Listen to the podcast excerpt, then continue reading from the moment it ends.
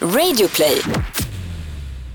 Man har ju själv sina så här fördomar, men liksom bögar är liksom svaga, fjolliga, in, absolut inte elitidrottare. Och så står man här nu med facit i hand och man bara wait a minute!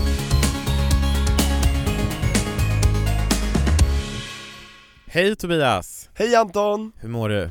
Jag mår bra, det känns nu verkligen som att 2018 har börjat på riktigt. Varför då?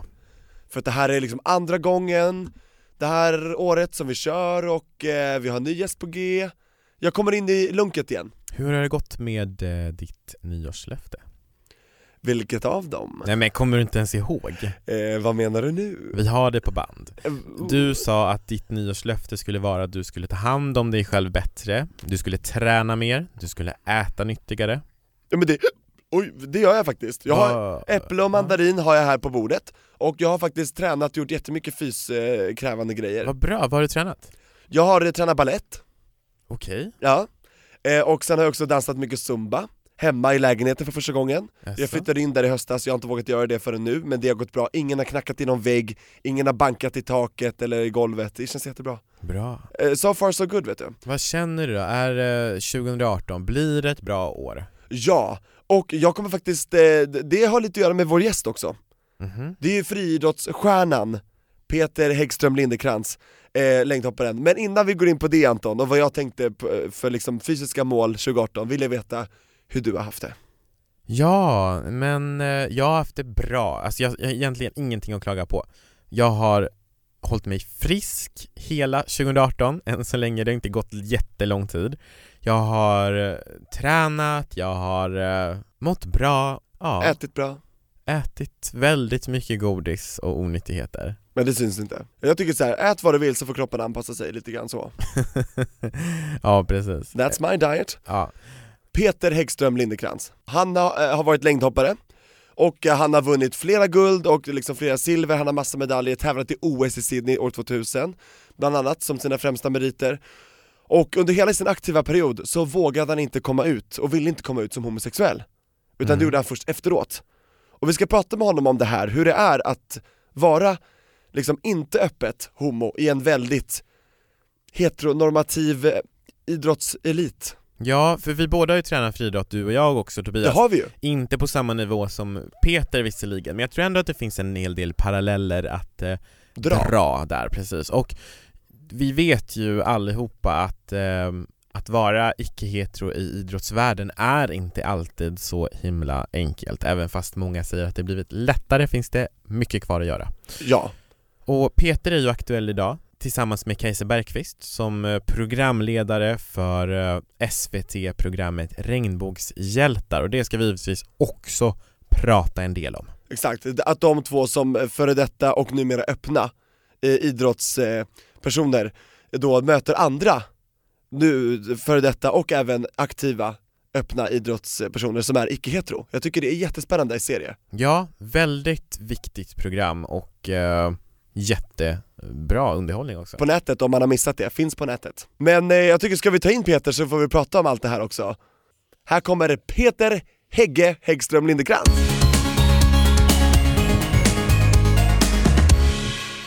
Nu är han här, PHL, Peter Häggström Lindekrantz i Regnbågsliv, vår regnbågshjälte. Hej! Hej! Välkommen! Trevligt att vara här. Ja, Ja, men tack. du tycker det? Ja, jättekul. Alltså Anton, inte det roligt? Regnbågshjälte i regnbågsliv. Ja, verkligen. Nej, men det, det ska bli jättekul det här. Det här är första gången jag och Anton ses på tre veckor, det är också lite kul. Känns det roligt? Du har blivit eh, mycket större Anton. Va? Tack! Är så du, jag tror du har tränat mer, du var inte sådär stor innan du åkte. Jaha, tack. Ja, nu, jag har Ja. faktiskt re- och kört eh, på nu. Ja du har riktiga det- stockar till armar nu, det Tycker var, du? hade du inte förut. Bra. Tack. Det är inte Det många ju som dumt kan där i komma ur nyår och säga att man är liksom Jag tror Anton, mer Anton är vältränad. mycket fittare, så att säga, efter än innan. Jag har ju börjat med crossfit. Mm. Oj, Jag har tröttnat lite på att bara liksom lyfta på gymmet. Det känns som att jag fa- kommer i någon sån här nu är det inte kul längre. Och då följer jag med min, min lillebrorsa tävlar i crossfit. Och så Ja. Han är väldigt fit. Mhm. Han är, han är mycket, mycket duktigare än mig Det är Ja. det som är grejen, alltid träna. Ja, Alltid träna. det är väl det. Men visst gör du också det? Du och Kajsa, ni ser ju fortfarande väldigt vältränade ut i programmet framförallt när ni gör de här sporterna och allting Det ser ut som att det inte har gått någon tid alls Ah, jo, vi känner oss nog inte så här supertränade längre om man säger så. Men eh, lite grann. Vi är nog perioder, både jag och Kajsa. Vi kan så här, inte göra någonting och, och så får man ett ryck och så tränar man stenhårt en vecka och sen så dalar det lite. Ja, Så. Hon var väl med i uh, Outgames fast i tennis? Tror ja, jag Ja, det stämmer. roligt! Ska du vara med i Outgames eller? Alltså vi har pratat om att det vore kul att göra något ihop. Ja, Eh, någon så här mixed eh, badminton. Ja precis, vi hade faktiskt just när vi spelade in Regnbågshjältar, vi, vi är väldigt mycket individuella idrottare både jag och Kajsa. Och vi skulle gå ut och, och hamna på en pingisklubb. Och det är så här med Kajsa, hon, hon tycker, det är lite fascinerande, hon tycker hon är mycket bättre på allting än vad hon egentligen är. Ja hon vill ju bli bäst i världen på allt ja hon på gör allt. Och Det sa ni också i programmet Ja, och jag vet någon gång var vi och spelade biljard. Hon sa, jag är jättebra i biljard. Så, det var hon ju inte, men Nej. i och med att hon intalar sig detta hela tiden. Ja, men i alla fall. Eh, spelade vi pingis och det blev ju inte så här jättebra. För där var jag faktiskt bättre än Kajsa. Det var så här, jag kände, ja men leker ju lite med henne. Och Kajsa blir liksom surare och surare och surare och det slutar med att vi eh, delar ofta rum när vi är ute. Så somnar med ryggen mot varandra, pratar inte med varandra. Hon är sån Eh. tävlingsmänniska alltså Ja, det, det, Det är lite gulligt. Ja, det är gulligt. Eh, då var det inte alls charmigt faktiskt. Då kommer liksom Kajsas sämsta sida fram. Nej. Men vi skrattar så. För att jag är ju precis likadan. Ja. Liksom. Så att, eh, men det vore kul att göra något ihop. Ja. Testa det här med lag. Kul. Kanske lite beachvolleyboll? Ja, Det det har är vi faktiskt spelat. Jag älskar beachvolleyboll Jag älskar också. Ja men du är ju lång. Jag är lång, Ja. jag kan vara liksom bak och, eller fram ska man ju vara och, och ner med det, Ja. så ja men jag älskar också beachvolley. Det är Ja. så kul. Jättebra! Då har vi det klart. Och som vi sa i påan, du är ju liksom en eh, idrottsgigant i Sverige Ju. Ja, jo. I längdhopp? Gigant och gigant. Ja, jag är ganska kort men Anna, ja det är ju kul att ni Hur lång är du? Jag är 1,74 så att jag, jag är Kajsa är en av- längre än du Ja jag vet, eh, därför jag har, jag köpte såna här skor nu när vi spelade in Regnbågshjältar med sån här megasula för att jag ska vara med ungefär- inlägg liksom, ja. Ja, inlägg dessutom, förutom den här Sulan. supersulan. Så ja, jag jag är rätt, för att vara längdhoppare så är jag väldigt kort. ja. Och då pratar vi om Kajsa Bergqvist som du ju har gjort eh, tv-programmet Regnbågshjältar med Ja, Och det är därför vi kallar dig för Regnbågshjälte. Men Regnbågshjälte, vad har du varit nu i eh, nio års tid eller? När var det du kom ut offentligt, offentligt? jag måste tänka efter. Ja, det är nästan nio år ja. Nästan nio år. Och eh, Anton, vad säger du? Ska vi backa bandet med Peter Mm? här nu då? Ska vi spåra tillbaks bandet till eh, en eh, väldigt mycket yngre Peter? Som inser liksom att oj, jag är icke-hetero. Vill du berätta om hela den här, eh, jag förstår det som att det kom över en natt va? Ja, men jag tycker jag hörde från många som kommit ut sådär, men det kom gradvis och jag förstod så här, men jag kanske var lite dum eller någonting, men jag, jag bara insåg det så här på ett ögonblick att men du, det är ju så här det ligger till, har du inte fattat det? Eh, och det var ju som en riktig sån bara eh, knytnävsslag. Eh, Och när, var var det här liksom? jag var 13 år, eh, var, jag hade precis börjat sjuan. Och eh, det var på hösten, ja, jag minns det väldigt tydligt som igår att eh, eh, jag hade haft en, eh, en, en väldigt bra kompis den sommaren, vi varit på en semester och vi var så himla bra kompisar. Och, det var så fruktansvärt sorgligt liksom, att vi inte kunde umgås mer och, och sådär och, och liksom tänkte ganska mycket på det här då. Och så var man väl ändå så här, ja, men men du, vänta här nu, du är ju kär i honom. Det är så det ligger till. Eh, Var han kär i dig då? Nej, nej, absolut inte. Det tror jag inte. Ja. Eh, så att eh, det var verkligen som en uppenbarelse och då det är klart att då i efterhand man gick bort kanske till, till CD-samlingen och tittade sådär och man bara, jo men det kunde jag ju fattat innan liksom. Eh, Var det mycket, vet du det, Madonna eller så här? mycket, Det är väldigt stereotyp så här, alla behöver inte, men du vet, ja Ja fast jag, jag är lite, det var extremt mycket, i synnerhet Madonna, eh, men jag har också så här, ja men lyssna på Depeche Mode och lite så här, så det gjorde väl kanske omgivningen eh, förvirrad. Men eh, jag borde, då var det så här, det borde jag ju fattat eh, för länge sedan. Och när du sa det kanske till nära och kära som har varit med dig hela livet, var det så här, ja men vi hade vi våra aningar Peter? Nej. Nej det var inte det. Det var inte alls så. Och det var väl just det som, ja men jag var den här typiska idrottskillen, kanske inte, nej jag vet inte, men, men nej, det var ingen som hade misstänkt så mycket. Sen var det nog mer i och med att det tog ju tio år innan jag vågade berätta för någon så att då blir det väl mer att omgivningen så här, ah, ja men det är kanske därför han aldrig har något förhållande som håller speciellt länge eller sådär att, För förhållanden hade du, ja. med brudar. Ett poddtips från Podplay. I podden Något Kaiko garanterar östgötarna Brutti och jag, Davva, dig en stor dos skratt. Där följer jag pladask för köttätandet igen. Man är lite som en jävla vampyr. Man har fått lite blodsmak och då måste man ha mer. Udda spaningar, fängslande anekdoter och en och annan arg rant. Jag måste ha mitt kaffe på morgonen för annars är jag ingen trevlig människa. Då är du ingen trevlig människa, punkt. Något Kaiko, hör du på Podplay. Därför är gardinerna. Ja. Ser inte så chockad ut. Nej, nej jag är inte chockad, men jag tänkte det, det låter sjunka in liksom. Men Ja. du, du sa att du var 13 år när du själv insåg. Mm. Och hur lång tid tog det innan du berättade för någon? Tio år. 10 år? Och det var ju Robert Kronberg, vill du berätta om den grejen? Häcklöparen?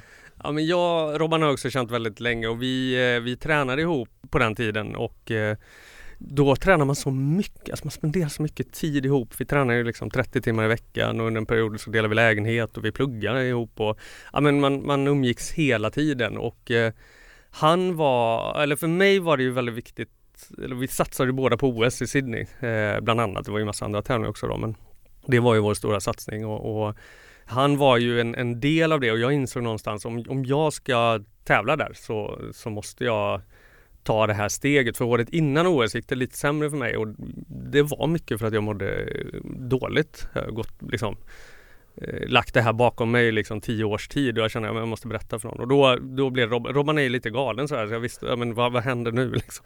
Eh, och då hade jag faktiskt bjudit hem honom och så här, ja ah, men jag vill att du kommer hem till mig. Han var så här, ah, Okej, så hade jag skrivit ett brev. Så här. Mm, jag tänkte det är mycket lättare än att säga att jag är bög för det känns så här, ah, den är jobbig. Och så hade jag skrivit ett brev och han bara, vad är det här för något konstigt? Han, I efterhand har han berättat att eh, han trodde typ jag hade cancer eller någonting. Oj. Eh, han var så här, oj gud vad allvarligt. Jag var så här, usch, jag hade lagt undan alla vassa föremål hemma. Jag var så här supernojig. Man kanske blir det efter tio år. Man funderar och eh, och så läste han det där och, och först han frågade vem i Backstreet Boys jag tyckte var snyggast. Eh, det var liksom Vad första frågan. Han avdramatiserade allting direkt. Ja, precis. Och han läste brevet framför dig liksom. Nej, han satt själv där och läste och Ja. jag gick iväg och så här. Och, Ja. ja. Eh, Och vem var snyggast då i Backstreet Boys? Nick såklart. Nick Carter? Yes. Är han fortfarande snyggast tycker du? Nu måste jag säga att det var ett tag sedan jag såg dem faktiskt. Men de är fortfarande igång. Ja, de är det. Inte under 20 år senare, alltså det är underbart. Har inte Ja. han kommit ut också? Nej det var lillebrorsan. bror. Lillebrorsan, Ja. just det, Aaron Carter är bisexuell. Yes. just det Men Så Nick var det. har ju fru och barn vad jag vet, men han kanske är, vem vet? Ja just jag, har- han var Men tillsammans det- med Paris Hilton också, men det är en Just annan podd det är ett annat poddavsnitt. Men gud vad kul att, att Robban tog det så bra. Det måste ju känts jättebra för dig, för han var ju som Ja. en bror typ eller? Ja precis. Eh, så att, eh, jo men det var jätteskönt och, och sen så liksom berättade jag för min tränare och sådär. För min, min tränare hade, han hade liksom så här efter säsonger, för vi var båda, ja men det här gick ju inte så superbra och då var det lite tankar på ja, men nytt träningsupplägg och jag visste så här, gud, alltså det, det är ju, jag, jag är ju bög liksom och det finns så här dåliga idrottsprestationer kan ha rent homosexuella orsaker. Eh, sa jag till honom och han bara, eh, va? Försökte så här smyga in det sådär. Ja, nej, jag minns inte exakt hur det var men jag berättade i alla fall för honom och sen så var det ju sådär eh, Allt gick ju hur bra som helst träningsmässigt. Och han tog det bra, eller? Ja, absolut. Vad skönt det måste varit för dig. Ja, men jag tror men så här på den tiden och kanske än idag så det var nog inte ens på kartan att någon skulle vara det och så här, Jag kan inte så här anklaga heller folk som har varit i garderoben i tio år att någon skulle vara gay liksom. Det kanske man inte går och att fundera på. Jag tror inte på mig märktes det inte eller man misstänkte inte så. Wow. För jag kommer ju ihåg, för jag, både du och jag har ju tränat friidrott Tobias och Det det, har är vi klart att Yay! Ja, och det är ju klart att vi båda då har också följt eh, våra svenska friidrottsstjärnor, dig bland annat Jajamän. Och då, jag kommer ju ihåg, för jag var ju jag är född 91 så jag kanske var runt, ja men 9-10 år runt här i OS Sydney Mm. och, År eh, 2000 var det OS Ja men precis och eh, eh, jag kommer ihåg att när jag tänkte och reflekterade över såna här saker som alltså hbtq-personer i idrotten, eller ja, det reflekterade jag ju inte över snarare, utan jag tänkte ju att alla var det var givet att alla var heterosexuella, Mm. varenda Mm. kotte man såg. Och nu liksom med facit i hand så vet man ju att, ja men du eh, Kajsa. det, Kajsa, ehm, Colin Jackson Mm. eh, och så vidare. Det finns ju många, många, många fler Eh, och det känns liksom som att det har öppnats upp sig lite eh, mer idag. Ja. Men det är så roligt att du säger så för att så tänkte jag också. Och I synnerhet då kanske när jag kom på att jag var att jag var gay när jag var 13 och liksom, jag skulle ju bli friidrottare. Det var ju så här, ja men vad ska du bli? Brandman, polis? Ja, men jag ska bli friidrottare. Jag trodde jag var den enda i hela världen som var gay. Och bara det går ju inte det fin. Alltså hur ska man kunna vara det? Det är ju ingen som är, ja, men kanske kan tävla i mello eller något sånt där. Men det är så, jag hade en helt skev uppfattning och, och så jag känner verkligen igen det där resonemanget vilket är rätt konstigt men, men det var ju ingen som var ute så att det är inte så märkligt ändå. Nej men jag tror det är jättevanligt att man tänker så och jag måste bara berätta en, en liten rolig grej från, från eh, mitt liv. Det är så att jag var på en, en dejt med en kille som heter Jonas och vi kom båda in på att vi båda har, kommer från norra Sverige, jag kommer från Kiruna, han kommer från Piteå och, och vi båda har friidrottsbakgrund. Jag bara, men shit, vi måste ju ha liksom sett varandra någon gång eller någonting sånt där. Så började jag googla. Jo, mycket riktigt, alltså vi har ju mötts flera gånger.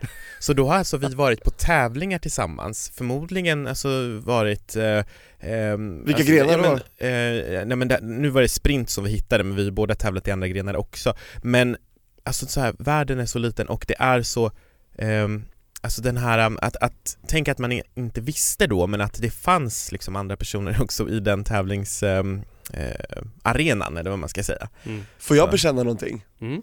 För det är nämligen så att jag har ju också friidrottat, jag var ju teknikgrenare eh, liksom, som du och eh, Kajsa. Det var ju längd, höjd och tresteg och lite häck löpte jag också. Jag, det var ansatsen, det var typ det längsta jag orkade springa så att jag var inte så jätteduktig snabbt så. Men i alla fall, och det är helt ärligt, jag bytte ifrån Solna FK till Tureberg, som är Kajsas eh, gamla hemklubb ju, i Sollentuna. Enbart på grund av en annan, eh, vet du det, som var friidrottare då, som hette Anton också. Jaha, men jag var, så, jag var så otroligt förälskad i honom, så jag valde att byta klubb för att kunna få träna med honom. Och vi blev jättebra vänner, vi, du vet, så här, vi åkte till träningsläger i Kroatien och du vet, överallt och bodde i samma rum. Och jag sa aldrig så här, hur jag kände, men det var så här, och det är så sjukt när jag tänker efter nu, han var ju typ min drivkraft varför jag ville vara duktig, för han var jätteduktig, han kunde allt, han var ju såhär du vet, multitalang, hoppade långt, högt, sprang snabbt. Jag var aldrig lika bra som Anton, men jag var alltid liksom näst bäst. Ja, shit Anton Nu kom jag Nu på det, vet han kan man säga. Då. nu vet han, hej hej! ja vad roligt. Han, han är inte friidrottare idag, eh, tyvärr det är inte jag heller, men eh, Nej. Fan vad bra han var och vad, vad kär jag var också Men vad kul att ni har friidrottat. Det, Ja. det, det är ju, för mig är det ju fortfarande sporten i hjärtat verkligen. Ja, för Men du det- kommenterar ju friidrott på SVT, Ja, Än men- idag? Ja, idag hoppar jag väl in då och då. Men Hoppar in. ja, men jag har gjort eh, alltså, efter karriären ganska mycket då. Jag har gjort alla mästerskapen och så här. Det, ja. året efter du slutade så började du Ja, jag började ganska direkt. Eh, ja, nej men friidrott är ju, är ju väldigt kul. Det är livet, eller ja, hur? Ja. En gång friidrottare, alltid friidrottare. Ja, jag tycker det är den ultimata också sporten och framförallt olympiska sporten för det är så varierat och det är så, du vet Jag tycker Ja. det, det är riktig idrott för mig Ja, jag älskar den här mätbarheten, eh, Ja. exaktheten. eh, Det, det tror Tydligt jag man med ribban och med m- Ja, längden. Måttbandet och hundradelar i sprint och, och så här. Det är tydligt. Mm. Någonting som, någonting som jag tyckte var lite jobbigt så, eh, eller ganska mycket jobbigt faktiskt, var omklädningsrummen. Ja, Hur har det varit för dig? Jag har nog alltid hatat den miljön sen eh, eh, redan innan jag kom ut. Jag vet inte varför men, men jag har aldrig gillat den miljön och sen har det varit en fördel tycker jag inom, inom friidrotten att ja, men man kunde byta om hemma och, och skippa hela den här grejen. Inte alltid men, men eh, ibland. Och jag har ju hållit på med en massa andra idrotter, allt från fotboll till ja, you name it. Men, då är man ju eh, ett lag och det måste ju vara Ja, nej, men jag har aldrig gillat det och jag vet inte, det, det är väl just det här i vissa sammanhang tror jag, men jättebra sammanhållning och den biten. Men det är också så här grupptryck versus eh, team spirit någonstans. Det, det, det tippar rätt lätt över till något annat och blir alldeles för jobbig jargong tycker jag. Alltså jag har inte förstått liksom varför inte, och det här gäller ju både i skolan men också i liksom idrottsvärlden. För mig har det varit så att det inte varit så tydligt, alltså ledarna har inte varit så eh, tydlig, eller varit med så mycket i omklädningsrummet eller vad man ska säga. Utan det har ju mest varit så att efter tävlingar till exempel så har man ju haft omklädningsrum så Där man ju byter om, duschar och så vidare. Men det har ju liksom, det har, det har aldrig funnits någon ledare där så. Mm. Kajsa sa ju det faktiskt i ett program, Regnbågshjältar, att hon tycker att det är ledarskapet som brister Mm. När man eh, liksom inte säga att det här tillåter inte vi, en sån här jargong?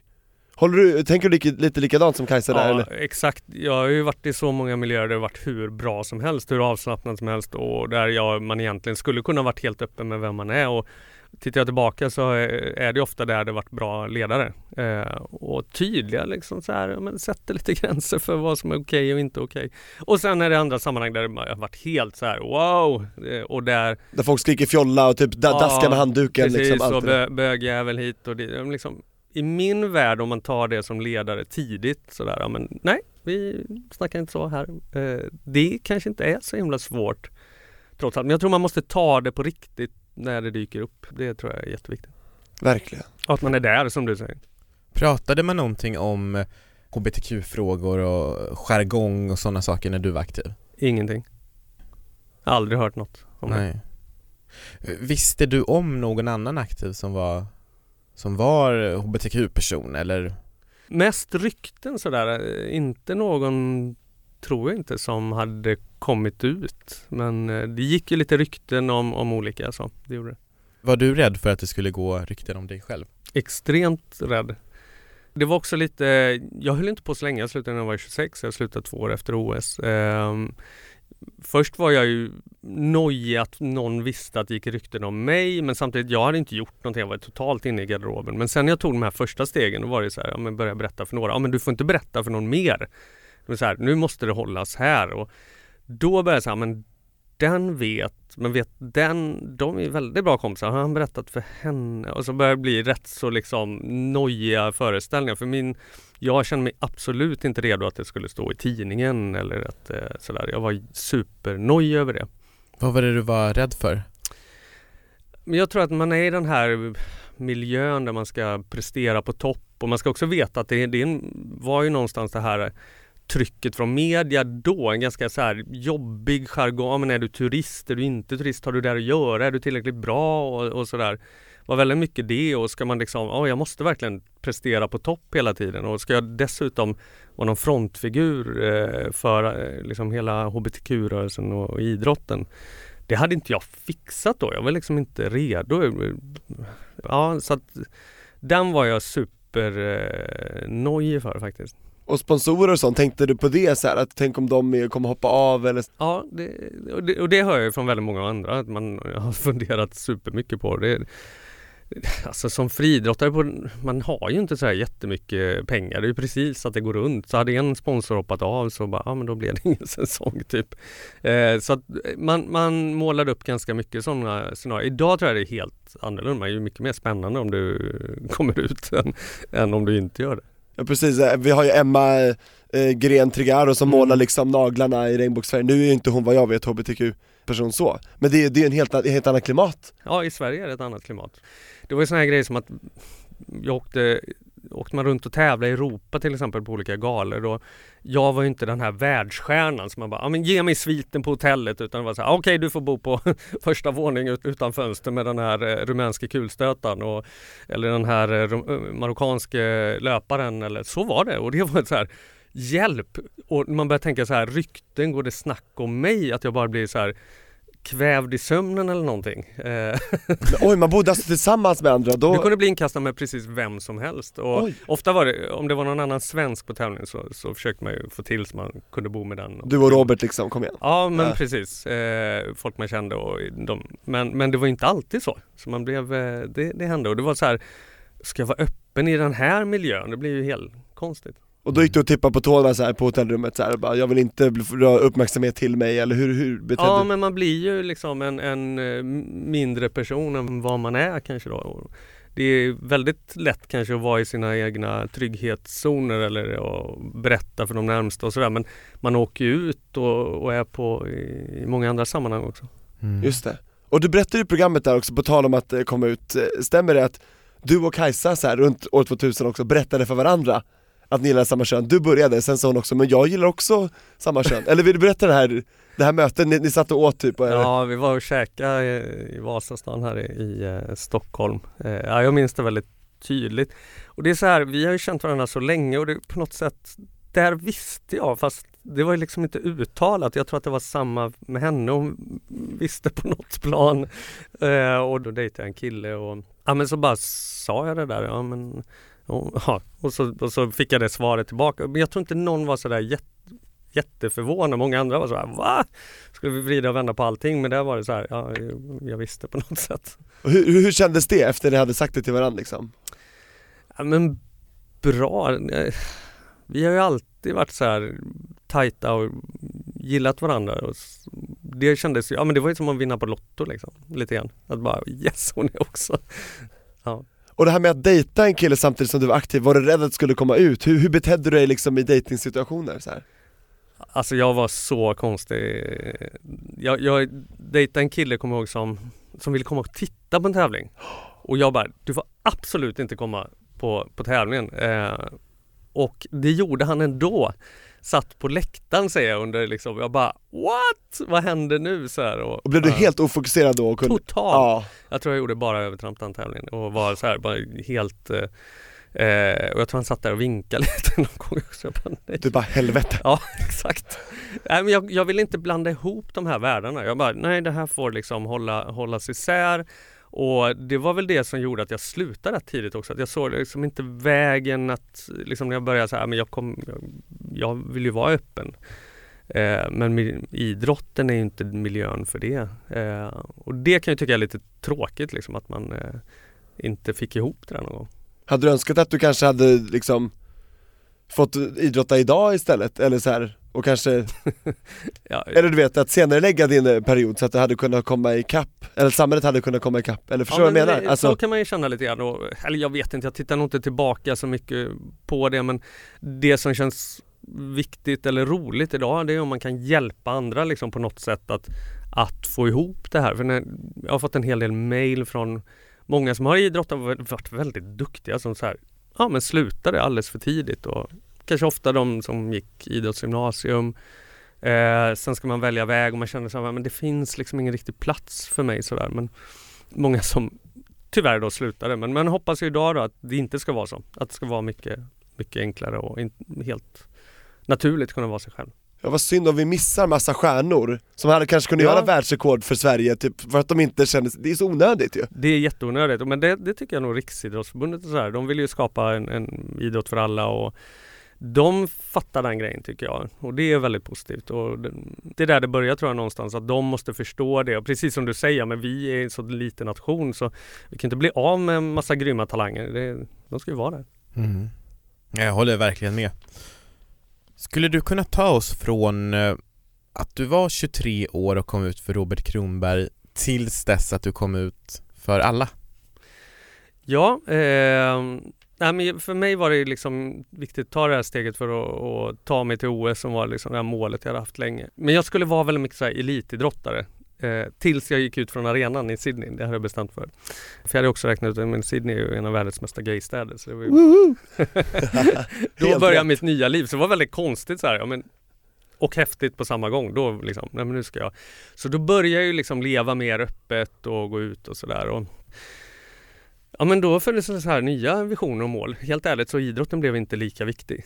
Det hade liksom satsat stenhårt på det och varit elitidrottare dygnet runt fram tills dess. Så att då, då gjorde jag ju det mycket mer och sen så höll jag på två år till och sen så slutade jag och eh, började jobba lite som expert och började ja, men jobba. Jag hade pluggat klart också och, sådär. och kände väl att ah, vad skönt, jag behövde inte ta den här liksom att jag var öppen, liksom att jag var gay och idrottare. Eh, 2008 så fick jag intervjua Tommy Smith och John Carlos, de från Mexico City. Jag som höll upp eh, handen Ja, Ja. Eh, som eh, efter 200 metersfinalen gjorde det här statementet på prispallen. De blev av med sina medaljer, eller? Ja, det var världens grej och det Ja. var, då hade det varit 40-årsjubileum som var inbjuden till DN-galan här i Stockholm och eh, som var en sån här sponsormiddag. Jag intervjuade dem och jag blev så här helt blown away på bara så här, wow vilka modiga människor, vad de liksom har gjort. Att kunna liksom påverka liksom olympiska rörelsen, göra sådana det är liksom tabu på något sätt. Och då blev jag väldigt inspirerad och- och då var det så att tidningen hade ringt mig ett antal gånger och bara så här, men vi, ser, vi vet ju att du har pojkvän och ska inte du prata? För det var ju, jag tror knappt att någon manlig idrottare hade kommit ut då. Det är inte så många år sedan. Och jag bara nej och jag hade tackat nej så många gånger. Så ringde de igen och så här, tjata, tjata, tjata. Och då hade jag då det här är färskt i minnet då med, och jag bara så här, ja men jo men självklart och då var jag så här, ja men det är ingen annan som säger någonting det blir ju absurt, här lever jag liksom i en relation och så då sa jag, ja visst vi kan, vi kan göra den där intervjun. Men tackade du nej för att du inte ville vara först? Eller bara av ren slentrian att du inte vill? Eller? Nej men jag kände såhär, då ska jag ta hela den här grejen och bli i fokus och sådär. Samtidigt hade jag varit med lite grann inom i idrotten vid något tillfälle och och stött på den här jargongen igen. Eh, och då var jag tränare och då, alltså det var som att jag såg rött. Jag bara, fast jag sa ingenting. Även om jag liksom var öppen och levde i en relation. Men då blev den här liksom, ja men inom idrotten, det, nej, då blir man liksom lite liten man hör den här jargongen igen. Då. Men då bestämde jag, ja men det är klart jag får, får prata om det och så, så gjorde jag det. Och då hände det ganska snabbt att fler kom efter och då var för det var, ju- kändes ja, kul att kunna lämna över kanske till någon som idrottar fortfarande eller som var uppe i sin karriär och Anton Hysén och Anja Persson och det kom Kajsa men- kom ju sen också Kajsa ja, precis. Ja. Så det kändes så här, ja, skönt liksom, nu, nu händer grejer. Alltså du öppnade pärleporten, att säga. Nej det vet jag inte men, men jag tror alla som vågar och tar det där steget, eh, det är ju Ja men det är bra, det blir lättare för de som kommer sen. Jag kommer ihåg när Magnus Carlsson, Barbados-Magnus kom ut Precis ja. och det var världens så här rubrik, han var så här schlagerartist då, man bara så här, i efterhand kan man nästan skratta åt det men de personerna tog ju en massa steg. Idag känns det som så, okej en schlagerartist kommer ut men ja. det är inte så många år sedan som det var jätterubriker, löpsedlar på och Det var ju samtidigt som du kom ut för Robert Kronberg då, i er egen ensamhet. ja, Och vi har, vi har faktiskt haft med Magnus Karlsson här i podden, han berättade om det också. Att det Okej. var ju, eh, för att han, han hade levt det här dubbellivet, folk hade kommit på Mm. honom och han ville hinna först innan de andra hann först liksom. mm. Alltså innan tidningarna skrev så ville han Ja. berätta historien på sitt sätt innan Så att han hade gärna inte velat komma ut då, men han var, kände sig tvungen. Alltså att, och det var år 2000, det var väldigt tidigt liksom. Men jag tror inte att personer som inte är hbtq-personer fattar riktigt så hur mycket det betyder att ha förebilder och representation inom till exempel sporten. Mm. För jag kan ju bara gå till mig själv och se så här, vad hade det betytt för mig? Hade jag fortsatt om jag hade haft förebilder i, om jag hade vetat om Kajsa till exempel, om jag hade vetat om dig och, Mm. och andra, alltså hade det blivit, ehm, förstår ni vad jag menar? Förstår precis, jag tror på samma sätt så tror jag kanske människor av annan hudfärg kan liksom känna också så här, Mm. åh det är någon med min hudfärg som är bra på elitnivå, Mm. då kanske jag också kan, är, är det inte lite samma sak? Absolut, Mm. och jag tror att man, man, man har ju så här förebilder, så här, ja men den här personen vill jag bli lika bra som eller sådär och jag är helt övertygad för, för jag tror att jag förknippar det nog, jag har, man har ju själv sina så här fördomar, men liksom bögar är liksom svaga, fjolliga, in, absolut inte elitidrottare och så står man här nu med facit i hand och man bara wait a minute! Så här, Colin Jackson och hela det här gänget. Så det tror jag betyder jättemycket och idrotten är ju liksom, det krylla av eh, bögar och flator inom idrotten. Så det, men det fattar inte jag då. Men det har ni fattat nu i och med Regnbågshjältar. Ja, jo det har jag förstått. Vill du berätta om hur det här programmet kom till med dig och Kajsa Bergqvist? Ja, det började egentligen med att jag eh, träffade de cheferna på SVT Sport och, och eh, hade den här idén och, och de gillade det och då kom Kajsa snabbt in i, i processen och så utvecklade vi egentligen programidén tillsammans. För hon är också kommentator på SVT ju. Ja precis, Så vi har båda jobbat med SVT och vi har gjort grejer ihop innan på SVT och sådär. Ehm, en, en tv-serie som är, inte var någon Kristallenvinnare som heter Övertramp. Just Eh, det! Den ska vi inte prata mycket om här. Eh, Okej. Det är något helt annat. Eh, men så vi har gjort grejerna och det, vi, jag och Kajsa har ju vridit och vänt på det här ämnet jättemycket liksom, de senaste åren och det tog inte lång tid innan vi bara det här ska vi göra och de här ska vi träffa och så. Så att det gick rätt fort att utveckla idén sen. Ja, och vad skönt också att ni har ju båda varit aktiva, så ni känner ju många av de här som ni träffade ju, till exempel Colin, Mm. eller hur? Och eh, Sy- Synette, visst heter de så eller? Ja. Synette är i Sydafrika. Mm. Jättespännande alltså. Mm. Bra variation. Hur tänkte ni liksom vilken ni skulle ta? Hur var hela det arbetet så här? Men vi hade väl en lista på namn som vi visste och några som vi så här trodde. Eh, Chansningar. Vi, ja precis. Bara, oh, nej, det var Fördomsfullt? inte- Oj nej det var inte det. Ja det var faktiskt lite så.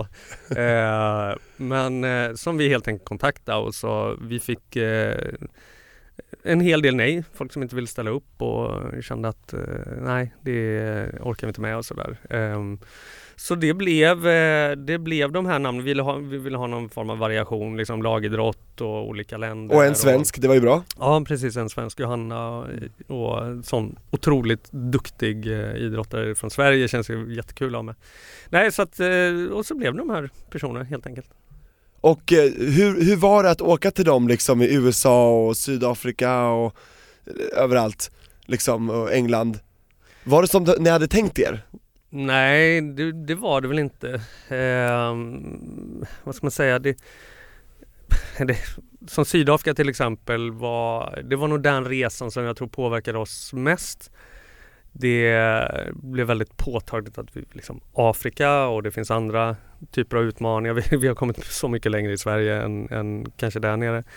Ja men till exempel de som är färgade som är med, att liksom de är utmaningar att vara kanske både ja, men vara svart och gay. Det är liksom det kanske vi inte hade tänkt att den typen av issues skulle dyka upp och så men Men, eh, ja, men det var liksom lite starkare tror jag. Jag kan säga, oh, gud vad kul liksom att resa runt, träffa intressanta idrottare och åka runt i världen. Ja det är jättehärligt men det var så starka berättelser många hade och man förstår och, och också kanske att man kastas tillbaka lite grann till den här 13-åringen man, var en, man var en gång i tiden som man lite sådär har lämnat och att man, ja men det har ju hänt otroligt mycket men det var ju att vara inne i garderoben i tio år, inte berätta för någon är ju inte så jättekul faktiskt. Ja, och där kan jag också relate- relatera ju. Mm. Jag, he, hela min liksom friidrottskarriär, den var ju inte så lång, kanske fem år, men jag sa inte till en enda människa liksom. Och det Nej. var jättejobbigt och så här, kommer de på, ja, det är någon som misstänker någonting nu Mm. liksom. Det kändes som att man, man var så här skyldig till världen så här brott, man var typ kriminell. Alltså det kändes du vet så här, Anton kunde ju misstänkt i och för sig nu, vi bytte Ja. klubb och Exakt, så, vi sov i samma säng och han bara jaha, du vet, så här, det, var, det, det var så många grejer som hände mellan mig och Anton som var såhär, oj då. Ja, men det var, ja, men han var så snäll, han var ju så himla snäll, han tog det så bra, han sa inte till någon annan För de andra killarna var lite mer grabbiga Mm. och lite mer så här, hårdare än vad han var, han var ju väldigt, så- han var ju men han var ju bara så, här, så snäll, det var ju lätt att bli kär i honom för han var så himla perfekt ju. Smart och duktig, snygg och allting, han hade allt, bara, orkar inte Du kanske ska ringa honom? Ja, Anton du vet vem det är. Jag ska inte säga ditt efternamn för då, ja, kanske blir lite för mycket. På tal om det, jag kunde, alltså det är så synd att höra Sunette mm. i Sydafrika, hon är spjutkasterskan, hela familjen bara vände sig emot henne.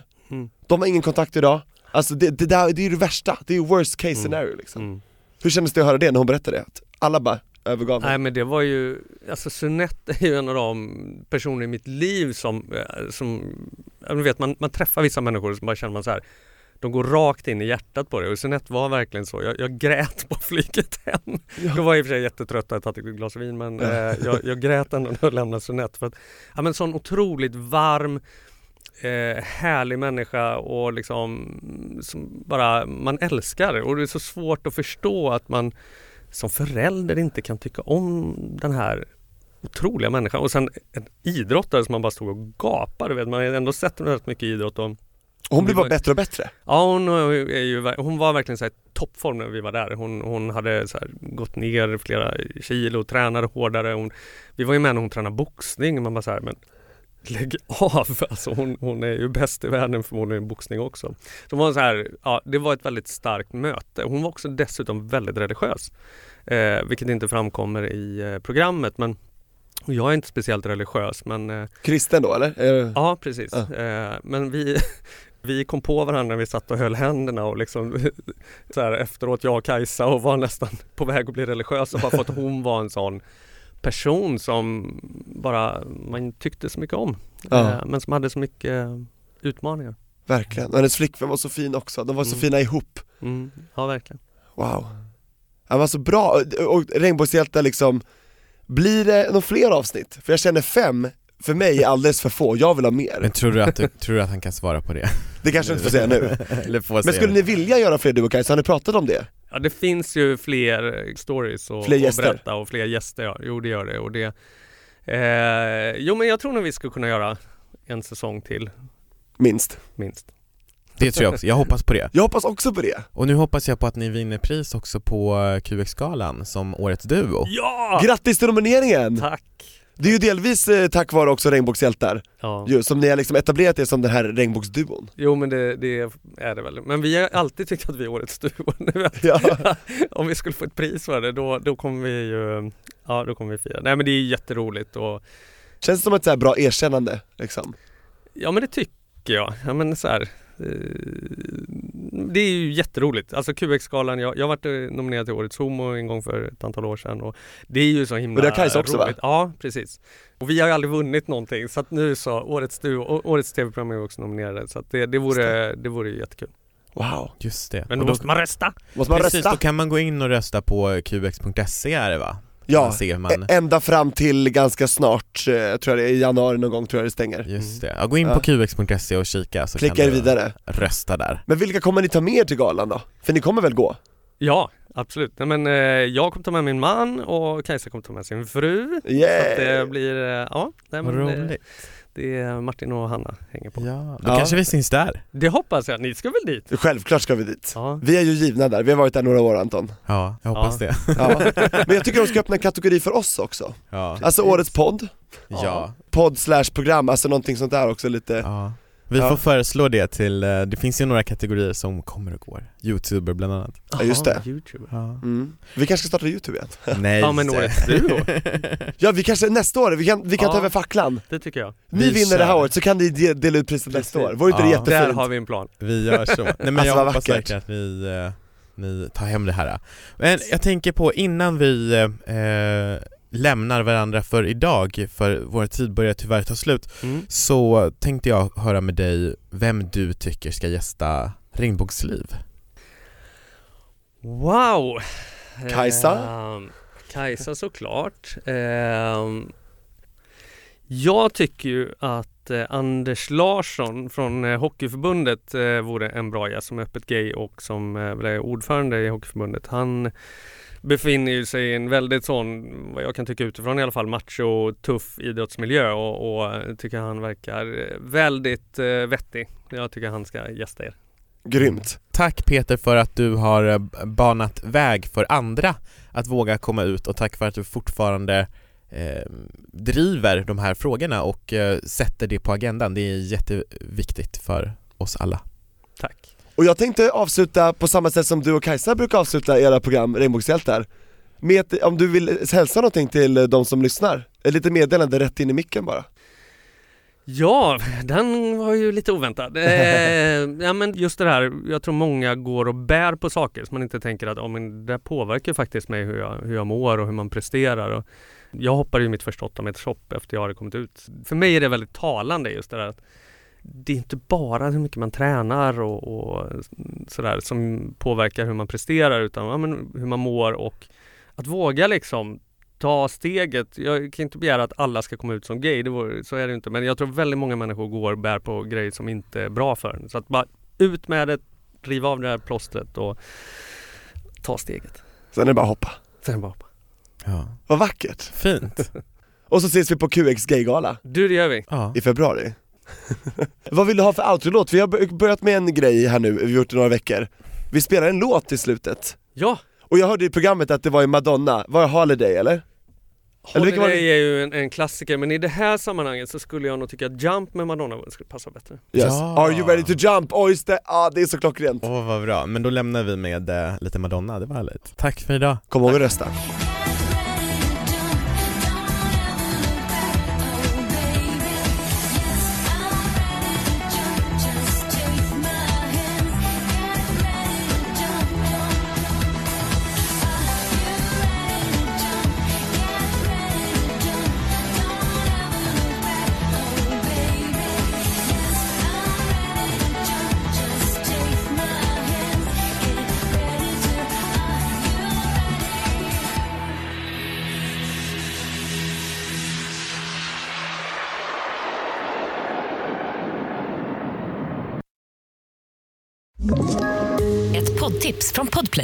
I podden Något Kaiko garanterar östgötarna Brutti och jag, Davva, dig en stor dos skratt. Där följer jag pladask för köttätandet igen. Man är lite som en jävla vampyr. Man har fått lite blodsmak och då måste man ha mer. Udda spaningar, fängslande anekdoter och en och annan arg rant. Jag måste ha mitt kaffe på morgonen för annars är jag ingen trevlig människa. Då är du ingen trevlig människa, punkt. Något Kaiko, hör du på Podplay. Därför är gardinerna.